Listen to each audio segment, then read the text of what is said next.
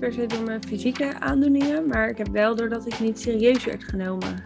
Heb ik op een gegeven moment heb ik wel een depressie gehad. Als iemand anders er naar vraagt, dat je gewoon echt je eigen, je eigen verhaal kan vertellen. Dit is Ongehoord. In Ongehoord de podcast praten we met mensen met een aandoening, mentaal, fysiek, en laten horen hoe zij zich voelen in de samenleving. En deze week gaan Aniek en Cindy van de Floor Academy in gesprek over Diagnoses. Welkom bij weer een nieuwe aflevering van deze podcast. Ik, Cindy, ben de host van deze aflevering en ik ben vandaag natuurlijk weer gezellig met Aniek. Wil je nou meer weten over ons? Ga dan even naar aflevering 1. Daar vertellen we wat meer over onszelf. Voordat we met stellingen gaan beginnen, wil ik als eerst weten, hoe gaat het met je, Aniek? Ja, met mij gaat het nu uh, op zich redelijk goed, omdat het lekker weer is. Dus ik merk uh, dat ik daar wel meer energie van krijg. Dus daar uh, laat ik een beetje van op, maar ik moet wel veel, veel liggen door mijn bekkeninstabiliteit. Lijkt me ook vervelend, dat je dan ook gewoon naar buiten wil en dan... Nou, maar we hebben nu de tuinset staan, dus ik kan lekker buiten liggen op de tuinset. Dus dat maakt niet uit. Lekker. Ik geniet van het zonnetje. Je geniet gewoon op jouw manier, ja, in wat daarom. je kan. Ja, Nou, precies. wat goed. Lekker. Maar we gaan het natuurlijk vandaag hebben over diagnoses. Ik denk dat nou ja, de mensen die luisteren, uh, wij hebben, zijn allebei gediagnosticeerd, om het maar zo te noemen. Dus ik denk dat we eventjes gaan beginnen met welke diagnose heb jij, welke diagnoses heb jij gehad? Eventjes voor de duidelijkheid, wat jij eigenlijk hebt zijn hè, allemaal fysieke uh, diagnoses, Ja, aandoeningen. Ja. En bij mij gaat het om mentale ja, aandoeningen, diagnoses, maar net Ja. hoe je het wil noemen. Nou, Vertel. wel- welke diagnoses ik op dit moment heb. eh, om, allereerst om te beginnen het syndroom van Ehlers-Danlos. En dan het hypermobiele type. En ik heb En wat houdt het in? Ja, mijn bindweefsel is eigenlijk gewoon eh, simpel gezegd niet helemaal goed eh, aangelegd. Dat heb ik gewoon cadeau gekregen van mijn ouders. Dus een, ja, daar ben ik mee geboren. En daardoor gaan gewrichten makkelijk uit de kom, maar ook mijn organen doen gezellig mee. Dus daardoor heb ik ook gastroparese, dus mijn eh, maag werkt niet goed. Het betekent letterlijk maagverlamming. Maar ik heb wel periodes dat ik wel wat kan eten, gelukkig. Dus mijn maag is niet volledig verlamd. En daarnaast heb ik celiakie. Dus ik, eh, ja, dat is een auto-immuunziekte waardoor je geen gluten kan eten. En eh, door de EDS heb ik ook nog fibromyalgie. Dat gaat wel vaker samen. Heb je ook vroeger andere diagnoses gehad? Ja, zeker. Ehm, ik heb om te beginnen, even denken, zeker als kind, nou ja, ze wisten niet zo goed wat ik had. En dan kwam ik steeds bij de huisarts en heel vaak kregen we eigenlijk te horen van ja, het zit tussen je oren, er is niks met je aan de hand. En eh, nou ja, daarvoor ook letterlijk bij psychologen geweest, omdat eh, niemand me echt serieus nam. Ook arts in het ziekenhuis niet. Ehm totdat ik één keer een psycholoog had en die had zoiets van, ja, maar dit klopt niet. Er is wel degelijk iets met haar aan de hand. En die heeft mijn huisarts toen, eh, ja, die heeft contact opgenomen met mijn huisarts toen de tijd. En toen is het balletje een beetje gaan rollen. Eh, toen ik 19 was, heb ik een auto-ongeluk gehad. Toen is het balletje echt gaan rollen, zeg maar. Daarna zijn de diagnoses echt goed aan het licht gekomen. Best oud eigenlijk. Zeker. 19 jaar, dat het door een auto-ongeluk moet komen. ja, ja, zeker. Ik denk sowieso dat we een podcast apart kunnen vullen, inderdaad, over het serieus genomen worden of niet door psychologen, zeker. artsen, et cetera. Ja, zeker. Ook psychologen inderdaad. Want dat Ja. merkte ik ook echt wel verschil in. Van toen ik er eentje had die dan zeg maar echt opeens voor mij opkwam. Die wel zoiets had van ja, maar die is gewoon wat aan de hand. Eh, psychisch gezien gaat het hartstikke goed met je. Maar lichamelijk gezien Ja. eh, moet er wat aan de hand zijn. Ja, nou ja, ik herken me daar ook heel erg in, maar ik denk dat we het daar een andere keer over gaan hebben dan. Zeker. En ehm, nou, dus je hebt echt een heel rijtje met eh, allemaal diagnoses. Ja, Mijn rijtje is eh, iets korter. Ehm, ik weet ik zat in groep 7, toen heb ik mijn eerste diagnose gekregen. Toen ben ik voor het eerst bij een psycholoog gekomen. En mijn, mijn eerste diagnose was een sociale angststoornis. En die heb ik dus, nou, ik ben nu 23. En nou, ik weet even niet hoe oud ik in groep 7 was. Maar in ieder geval, ik had heel lang heb ik die diagnose gehad. En nu ongeveer een jaar, anderhalf jaar geleden, heb ik een herdiagnose gekregen. En toen bleek dus dat ik geen sociale angststoornis heb. We gaan het er zo nog eventjes over hebben tijdens de stellingen. Bleek het dus dat ik een vermijdende en een dwangmatige persoonlijkheidsstoornis heb. En daarbij heb ik ook nog, uh, ja, heb ik af en toe last van depressies. Dat gaat een beetje op en neer eigenlijk. Dus ja, dat, dat heb ik. Maar wel heel vervelend dat je op je zevende dan een diagnose krijgt. En dan dus groep denkt van nou... Groep 7. Oh, groep 7, sorry. Groep 7, dan was Nee, je maakt 10 niet of 11 of zo. Ja, En vanaf dat moment heb ik gedacht van nou dat heb ik en daarvoor ben behandeld. Het lijkt me ook heel frustrerend om er dan later achter te komen dat dat het toch niet is. ja, ik loop ongeveer sinds groep 7 eigenlijk al af en aan bij allemaal psychologen. Dus echt, ik, eh, ik heb wel heel veel geleerd in, in, in al die tijd. Maar ehm, ja, er zijn natuurlijk ook heel veel dingen misgegaan in die tijd met psychologen. Eh, maar goed, ik denk dat we gaan beginnen met de eerste stelling. Ja, leuk.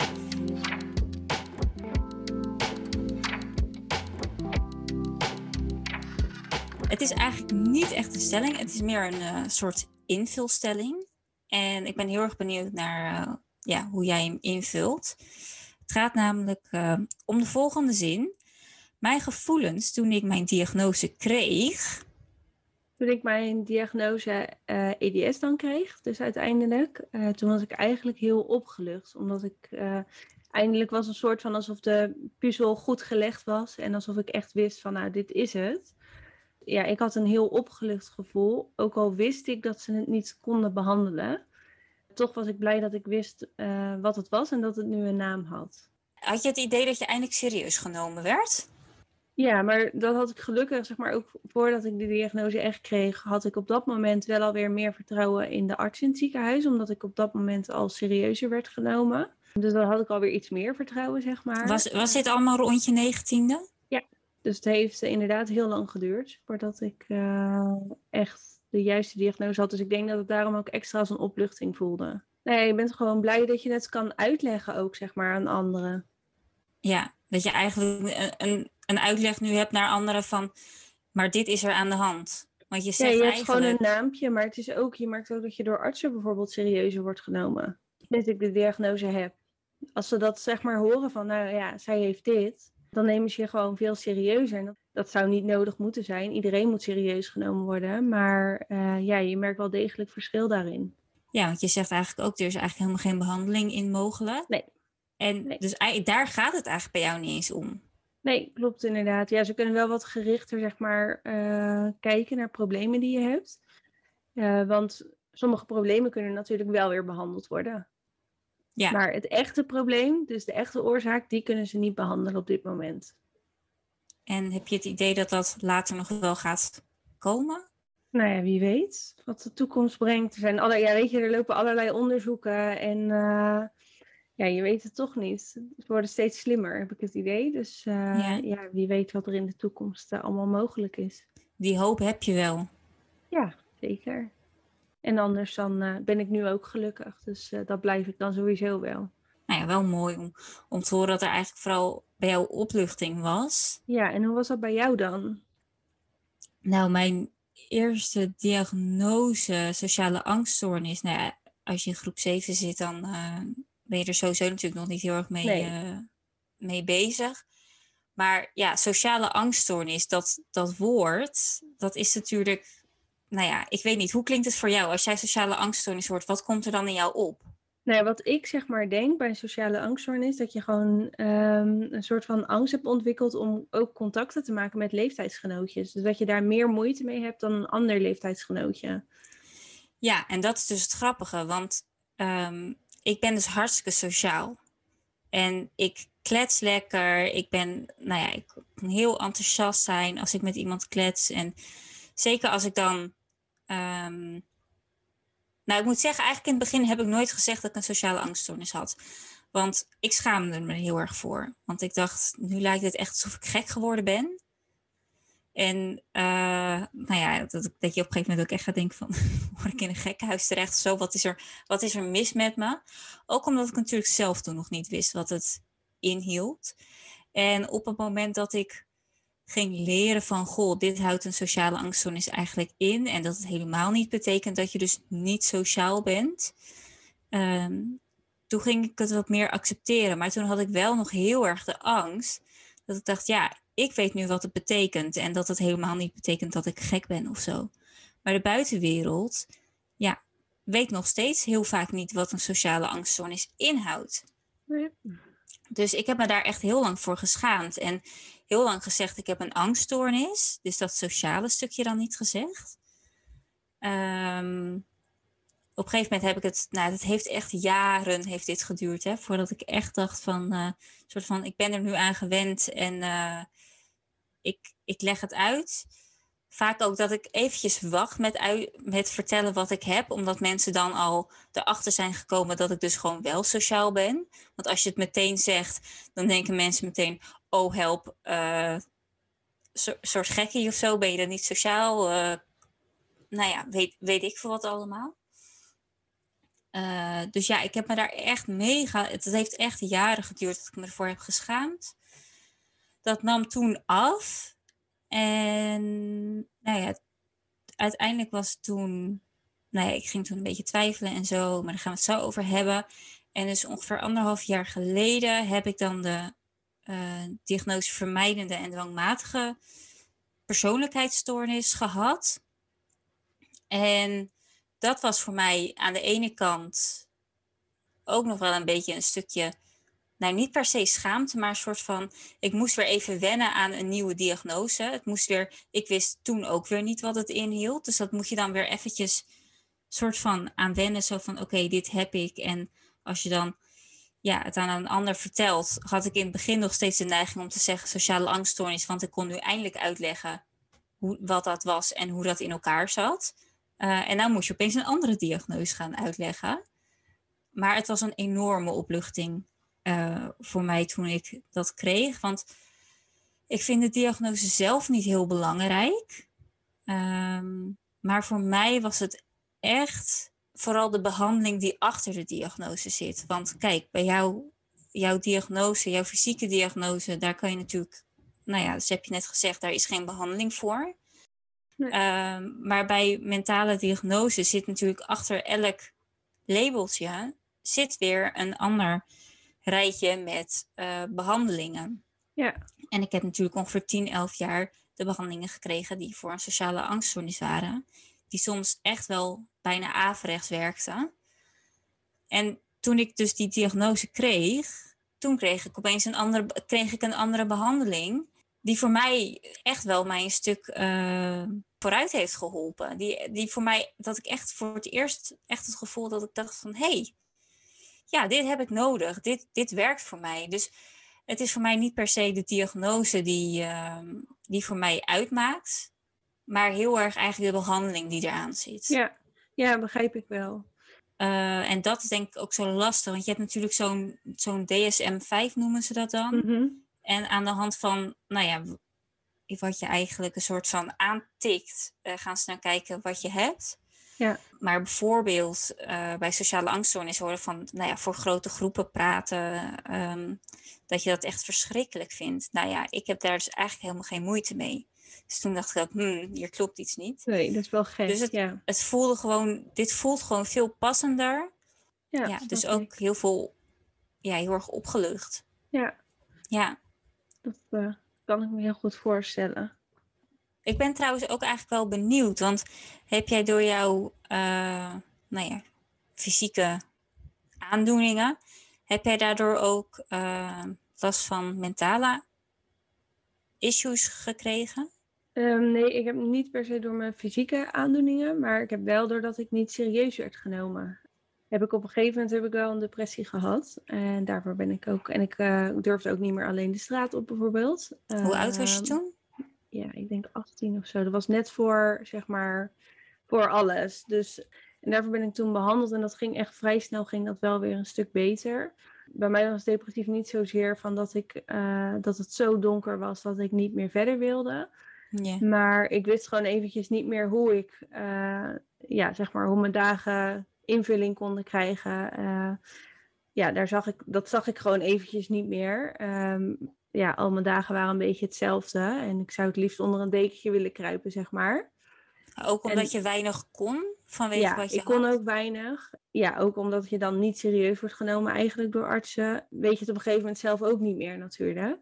Eh, dus toen ben ik inderdaad bij een psycholoog geweest. En, maar dat is ook dezelfde psycholoog geweest die toen op een gegeven moment wel mijn huisarts dus he- contact heeft opgenomen. Van joh, er is helemaal psychisch gezien niks met haar aan de hand meer. Maar ja, eh, hoe heet het, met haar lichaam is wel wat aan de hand en daar moet naar gekeken worden. Ja. Dus dat was heel fijn. Die nam mij heel erg serieus, die psycholoog. Dus daar heb ik wel veel aan te danken. dat, dat is zo verschillend, hè? Je moet ze echt net treffen, zeg maar. Ja, Psycholoog, eh, het is niet een psycholoog, is een psycholoog. nee, ze- en, ja, maar dat is ook eh, logisch. Ze zijn allemaal Ja, weet je, je kan ook niet met elk mens klikken. Nee, dat is ook zeker zo. Ik heb echt vijf of zes verschillende psychologen gehad.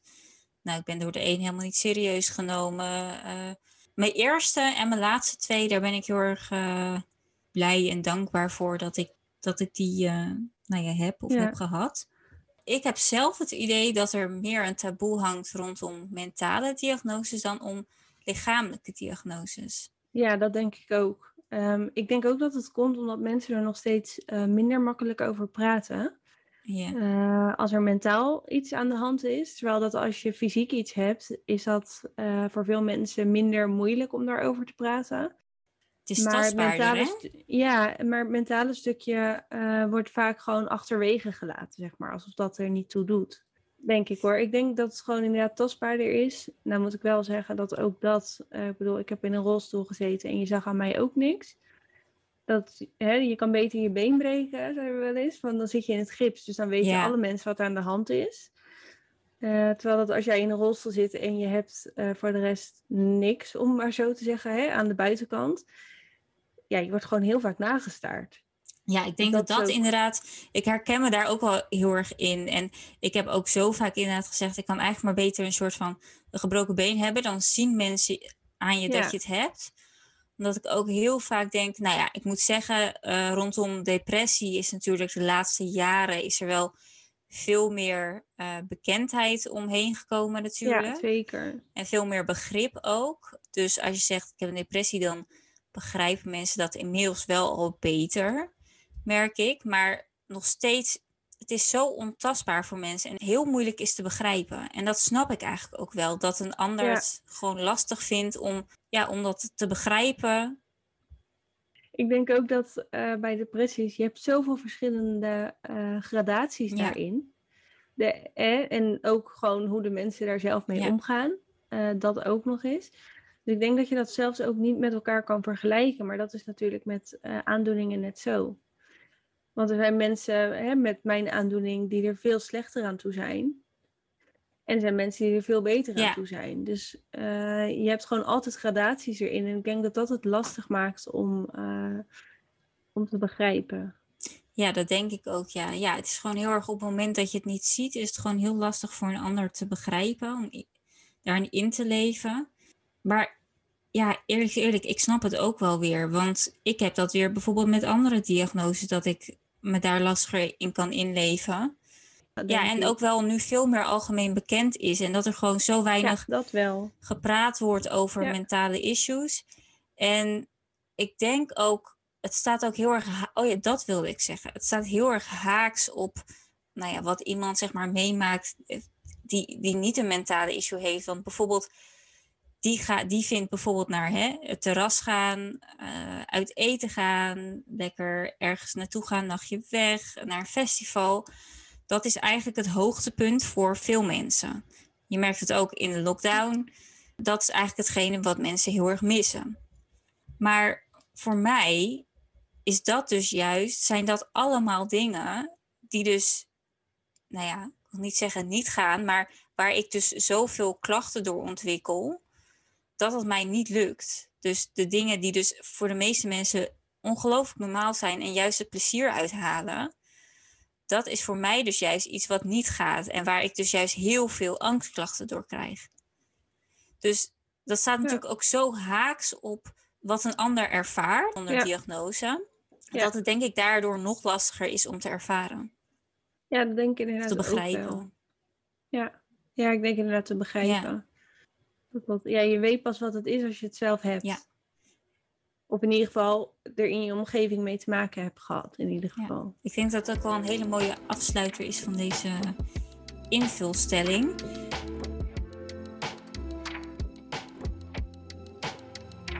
Heb jij nog een, eh, een tip over als jij een, eh, Nou ja, als je dus net een, eh, een diagnose hebt gekregen? Ja, zeker. Ik denk als je net je diagnose hebt gekregen, dat je je ook soms overweldigd kan voelen. Dus je hoeft je natuurlijk niet altijd opgelucht te voelen. Maar ik denk dat als op het moment dat je je diagnose hebt gekregen, wat belangrijk is, is dat je gewoon erover gaat lezen. En dat je gaat kijken van, nou, klopt deze diagnose bij mij? En eh, kan ik me hierin vinden? En wat ik ook heel fijn vond toen ik de diagnose had, was contact met anderen die het ook hadden. Vaak heb je wel op Facebook mensen of op Instagram eh, die hetzelfde Goeie. hebben. En dan eh, kan je hun verhaal lezen. Ja, dan voel je natuurlijk ook gewoon wat meer eh, niet alleen, denk ik. Nee, Ik vind dat wel een hele inderdaad. mooie, inderdaad. Mijn tip voor als je een diagnose krijgt, is ga vooral veel opzoeken op internet van, goh, wat houdt het in? En maak de diagnose je eigenlijk wat meer eigen, dat je ook als iemand anders er naar vraagt, dat je gewoon echt je eigen, je eigen verhaal kan vertellen. En ook, ja, het is eigenlijk onzin om je ervoor te schamen. Dus het is helemaal niet nodig, maar ik snap het wel als je ervoor schaamt. Maar het heeft gewoon echt tijd nodig om het gewoon in te laten dalen. En ehm, ja. Eh, Ja. Nou, dan gaan we naar de volgende. Dat is de stelling. Ik heb wel eens getwijfeld aan mijn diagnose. Vertel. Zeker. Nou, dat is vooral eh, vroeger geweest, of vroeger, maar eh, toen het nog niet zo serieus werd genomen. Ik heb op mijn zestiende een bedrijfsongeval gehad. Ik werkte toen bij een drogisterij, er is een pompwagen over mijn voet heen gereden. En toen eh, een pompwagen, ja, dat is een eh, wagen waar ze de vracht op laden. ja. Dus daar stonden zeg maar pallets op. Dat is zo'n, eh, ja, daar rijden ze ook mee in de Albert Heijn en eh, andere zaken. En die is over mijn voet heen gereden. En ik heb toen een diagnose gekregen, posttraumatische dystrofie. Eh, die was toen de tijd kloppend. En wat houdt het in? ehm, voor mijn voet. Ja, eigenlijk is het heel simpel gezegd dat je hoofd te veel eh, pijnprikkels door blijft sturen naar eh, je voet. In mijn geval. Dat kan ook naar andere plekken zijn in je lichaam. ja. Dus daar wordt continu worden daar dan pijnsignalen naartoe gestuurd, terwijl dat, dat helemaal niet nodig is. Oké. Ehm, dus die, diagno- die diagnose heb ik eerst eh, gehad toen ik 16 was. Eh, maar op een gegeven moment ging dat veel beter, want ik heb daar behandelingen voor gehad en dat ging veel beter. Maar eigenlijk werd er daardoor ook niet meer verder gekeken. Terwijl jij al voor je zestiende van alles last ja, had. daarvoor had ik inderdaad al allemaal klachten. En eh, wat ook een beetje is met posttraumatische dystrofie, wordt toch ook vaak nog gezien als van, ja, het zit een beetje tussen je oren. Om, het zit het ook letterlijk. Ik bedoel, het Ja. komt eh, vanuit je hoofd, dus letterlijk gezien klopt dat. Maar daardoor werd er eigenlijk niet meer verder gekeken naar eh, alle andere problemen die al speelden voor mijn zestiende. Want eh, eigenlijk is dat vanaf dat ik geboren ben, dat ik met allemaal dingen top, zeg maar. Toen ik eh, een klein babytje was, was ik ook echt een helbaby. Ik was vooral voor mijn ouders in het begin eh, daardoor, eh, maar dat was gewoon omdat ik niet lekker in mijn vel zat. Ik moest heel veel overgeven altijd. Toen ik drie, denk ik, zat, kwamen ze achter dat ik een scoliose had. Dus mijn rug loopt in een S-vorm eigenlijk, heel simpel gezegd. En dat mijn bovenste nekwervel scheef stond. Daarvoor ben ik bij de chiropractor geweest. Eh, dat waren al eigenlijk de eerste signalen van dat zou wel eens het syndroom van Ehlers-Danlos kunnen zijn. Oké. Eigenlijk, achteraf gezien. Maar dat wisten wij toen nog niet. Ehm, dus daar ben ik toen voor behandeld. En ik was als kind heel vaak ziek. Dus zeg maar dat ik ongeveer elke maand wel een week ziek thuis was. Ik Jeetje. pikte gewoon alles op. Ja, dat is natuurlijk ook. Kijk, natuurlijk, kinderen zijn wel vaker sneller ziek. Omdat je gewoon hè, met al die bacteriën op school, snap ik. Maar ik was wel heel vaak ziek. Heeft dat dan achteraf dus te maken met je auto-immuunziekte? Ja, dat kan. En ook met de EDS, omdat gewoon mijn energie veel sneller op is natuurlijk. Ja. Dat ik eigenlijk over mijn grenzen heen ging steeds. Nee. Je, maar, zeg maar, als je zelf heel moe bent, dan pik je ook sneller iets op. Ja. Dus dat was denk ik ook dat ik gewoon te, te veel oppikte. En ik was als kind motorisch echt niet goed. Daarvoor heb ik uh, speciale soort gymlessen gehad. Dat, was, nou, dat kregen kinderen die motorisch uh, niet goed ontwikkeld waren, om maar zo te zeggen, met een net woord. En dat hoort er ook allemaal bij, zeg maar. Uh, en toen ik op de middelbare school zat, had ik heel vaak dat mijn uh, vingers verkeerd gingen of mijn tenen of wat dan ook. En dat was dan tijdens de gymles. En dan zeiden ze, ja, je moet naar je huisarts. En dan kwam ik bij mijn huisarts en die zei, ja, daar hoef je niet elke keer voor te komen hoor. Je kwam elke keer. En dan zat er weer wat verkeerd. En dan had hij zoiets van, ja, daar hoef je niet elke keer voor te komen. Terwijl dat natuurlijk helemaal niet normaal is. Maar had die huisarts dan niet zoiets van, maar hoe kan het dat dat elke keer gebeurt? Nee hoor, daar zocht hij verder niks achter. Dat, daar ben ik gewoon helemaal niet in serieus genomen. En toen op mijn 16 dan dat, uh, dat ik posttraumatische dystofie kreeg. Toen in ieder geval daarvoor behandeld. Toen op mijn 19 is pas echt een balletje gaan rollen. Maar ja, daarvoor heb ik dus al heel veel dingen gehad. Heel wat keren bij de huisarts gezeten. En heel wat keren gewoon weggestuurd. Ja, en uiteindelijk is het dus eigenlijk heb jij toen bij je psycholoog zeg maar zelf aangegeven van goh, ik twijfel? Nee. Of is het echt jouw psycholoog nee, die daarmee is gekomen? geweest. Want de huisarts had dus Ja. in de doorverwijzing gezet van... Nou, ik weet niet precies wat erin stond, want ik heb die doorverwijzing zelf niet gelezen. Dat, eh, maar er stond iets in die doorverwijzing dat eh, over alle medische problemen waarmee je kwam. En of dat ook niet psychisch kon zijn. Ehm zoiets. Ehm, maar dat was dus niet zo. Dus mijn psycholoog heeft daarover aan de bel getrokken. Ik ben wel benieuwd. Heb jij nog steeds dezelfde huisarts? Nee, want ik ben verhuisd. Ja, Oh. dus- en daar was ik heel, ik ben wel, dat moet ik zeggen, en dat kan ik iedereen aanraden, want ehm, ik had natuurlijk niet echt goede gevoelens en nog steeds heb ik niet heel veel vertrouwen in de huisarts door wat ik allemaal heb meegemaakt. Ehm, maar Ja. voordat ik verhuisd ben, eh, iets meer dan vier jaar geleden, eh, ben ik nog het gesprek aangegaan met mijn huisarts. Omdat ik zoiets had van, al kan ik maar één iemand ermee helpen, dat die wel serieus wordt genomen. Dus ik heb eh, alles gezegd ehm, ja, wat ik vond en eh, wat beter had gekund. Hoe reageerde hij Ja, daarop? Ja, best wel begripvol. Het, is een, eh, het was een hij. eh, best wel begripvol, gelukkig. Oké. Maar ja, ik was ook echt gewoon heel boos. Ja, logisch. ik denk dat iedereen dat heeft. Ja. Maar toen kwam ik dus in Barendrecht. En ja, daar had ik echt een tophuisarts. En daar ben ik echt, Oh, ja, fijn. echt heel erg fijn. En nu krijg ik weer een nieuwe huisarts. Maar daar moet ik nog mee gaan kennismaken. Dus dat vind ik wel weer heel spannend. Eh, dat is voor mij dan wel, zeg maar, een dingetje. Ja, gewoon wat minder Ja. vertrouwen erin. eh, Ja, zeker.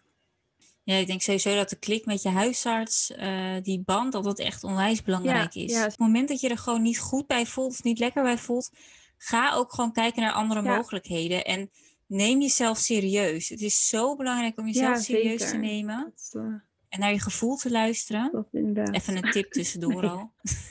Mooie tip. Nee, dat is ook. Dat ja, en blijf ja. voor jezelf opkomen ook.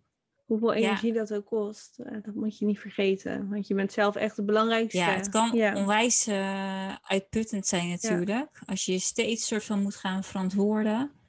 Maar inderdaad, ja, doe, doe, dat, doe dat gewoon echt. Als, je, als je twijfelt, als er iets is wat niet lekker zit, echt waar. En als je dit nu luistert en je denkt, hé, hey, ik herken dit. Ga, Ja. ga op onderzoek uit. Ga kijken wat dat kan zijn. Eh, ga, nou ja, naar je huisarts. Ga desnoods inderdaad een andere huisarts zoeken. Vraag een second opinion Ja, aan. zeker.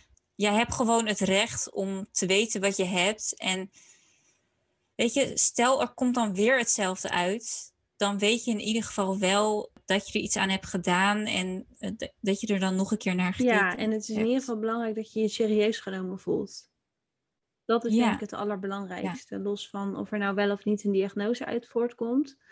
Is het al zo fijn als jij met je huisarts wel het gevoel hebt van nou, hij luistert naar me, hij heeft begrip voor me en eh, Ja. hij neemt echt de tijd voor me in plaats van nou, ik word gewoon weggestuurd en eh, er is maar niks aan de hand, terwijl dat het helemaal niet goed gaat.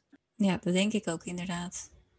En bij jou? Ja, ja, bij mij, ja, ik heb zeker getwijfeld eh, over mijn diagnose. Ik, mer- ik heb dan, nou ja, tien jaar lang in het begin dacht natuurlijk echt van, oh ja, dit is het, want ik herken me hierin. En eh, nou, een beetje naarmate de jaren vorderden, ging ik wel een beetje denken van, hmm, oké, ja, het, het komt niet helemaal 100% overeen, maar goed, hè, je kan moeilijk uh, in alles overeenkomen.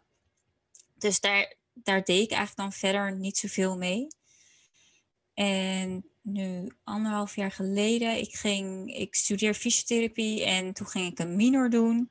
En toen ging ik naar Leiden, de minor toegepaste psychologie ging ik toen doen. En daarin ging je dus ook best wel en naar jezelf kijken, maar je leerde daar ook heel erg over ehm, opvoeding bijvoorbeeld. Uh, ja, je leert gewoon heel veel natuurlijk over psychologie. En toen ging eigenlijk voor mij langzaam het balletje rollen dat ik dacht, er zijn gewoon te veel dingen die net niet kloppen. Uh, maar zeker ook dat ik dacht van ja, hoe kan dat nou steeds die behandelingen die net niet helemaal werken. Uh, want ik blijf toch steeds bij een psycholoog hangen al, nou, weet ik veel, al jaren. Vaak is natuurlijk, je wordt behandeld en op een gegeven moment ben je gewoon een keer uitbehandeld. Steeds weer, nou, dan weer een andere behandeling proberen. Nou, werkte ook niet helemaal. Dus ik ging daar gewoon steeds meer, het ging gewoon steeds meer aan mijn vrees. Dat ik dacht, er is iets. Um, en ik had toen echt heel erg geluk dat ik een, um, onwijs fijne psycholoog had. In de, inmiddels in de specialistische GGZ. Want ik heb dus ook nog de overstap gemaakt van basis mhm. GGZ naar de specialistische GGZ. De psycholoog waar ik toen bij was in de basis GGZ. Ehm, ja, die is dus zelfs een soort van boos op mij geworden. Nou. Dat was echt bizar. Ik, uh, hij had het idee dat dat beter met mij ging. Mhm. Terwijl ik dus zelf dat idee niet had. En hij had eigenlijk zoiets van, nou, we gaan eigenlijk de behandeling. Hè, de behandelingen zijn zo ongeveer op. Dus we gaan het afronden. Ik voelde me zo slecht. En toen dacht ik echt van, ik ga, ik ga gewoon de huisarts opbellen. Um, want ik word en niet serieus genomen. En ik heb het idee dat ik gewoon meer nodig heb dan die basis ja. Dus nou, de huisarts die was daar gelukkig uh, heel erg uh, fijn in. En die zei van nou, dan gaan we inderdaad naar de specialisten GGZ toe. Die begrepen dat ook. En toen moest ik dat dus, uh, toen ik dat dus vertelde aan mijn toenmalige psycholoog.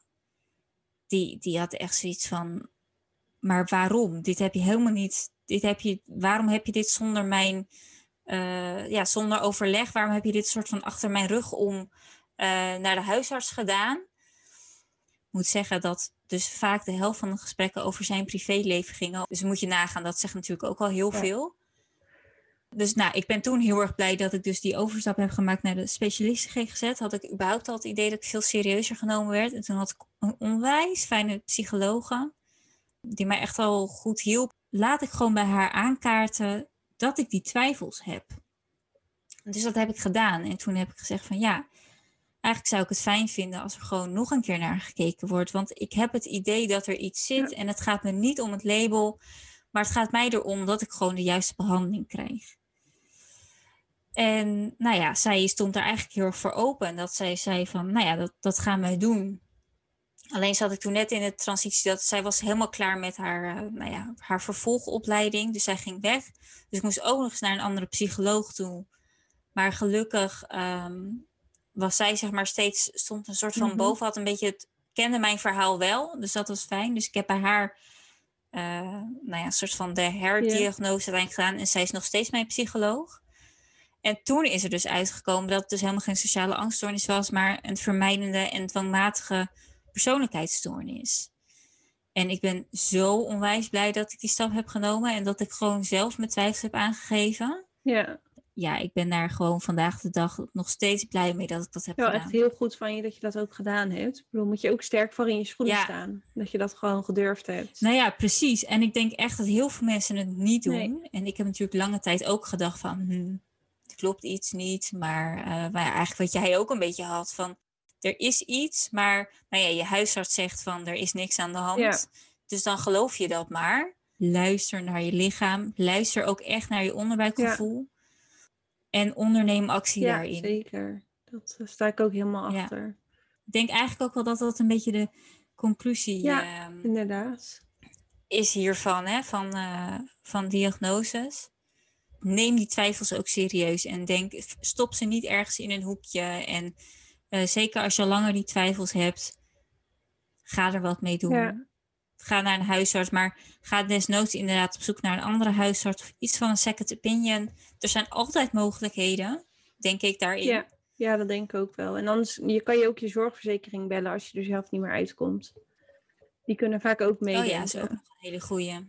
En ik denk dat het ook wel belangrijk is daarin een soort van stevig in Ja, de schoenen te Ja, staan. en eh, voor jezelf blijven opkomen. Dat is ook goed voor jezelf zorgen. Ja. Ja, niet te makkelijk eh, af laten schuiven, zeg maar. Nou, ik vind dat wel een hele mooie eh, afsluiting eh, van de Ja, stellingen eigenlijk. Zeker. Nou, dan gaan we afsluiten met deze aflevering. Ja, eigenlijk af te sluiten met, met één woord. Ja. Ik ben heel erg benieuwd wat voor woord jij aan deze aflevering zou Ja, ik denk het woord krachtig. En dan eh, met name veerkrachtig. Oh, mooi. Omdat we dat, eh, denk ik, alle twee wel eh, moeten zijn. En ook zijn geweest al. En dat is wel het Ja. gevoel wat ik erbij krijg. En jij? Mijn woord voor deze, nee, voor deze aflevering is eigenlijk herkenning. Ja. Want, nou ja, eigenlijk, hè, jij hebt fysiek iets, ik heb mentaal iets, maar toch herkennen we heel veel dingen in elkaars verhaal. En dat betekent ook meteen dat wij echt niet de enige zijn hiermee. Nee. Heel vaak denk je, als je iets hebt van, ik ben de enige met dit, of hè, ik ben hier bijzonder in, of er zijn geen andere mensen die zich hierin herkennen. Maar ik denk echt, dat is echt niet waar. Je bent echt niet alleen. Dus- En niet in je diagnose, maar ook niet in dit soort verhalen. Nee, dat denk ik ook niet. Dus herkenning heel erg. Nou, super. We gaan hem afsluiten. Over twee weken komt er weer een, eh, een nieuwe aflevering online. En eh, we hopen dat jullie dan natuurlijk ook weer gaan luisteren. Ja. Tot, eh, tot over twee weken.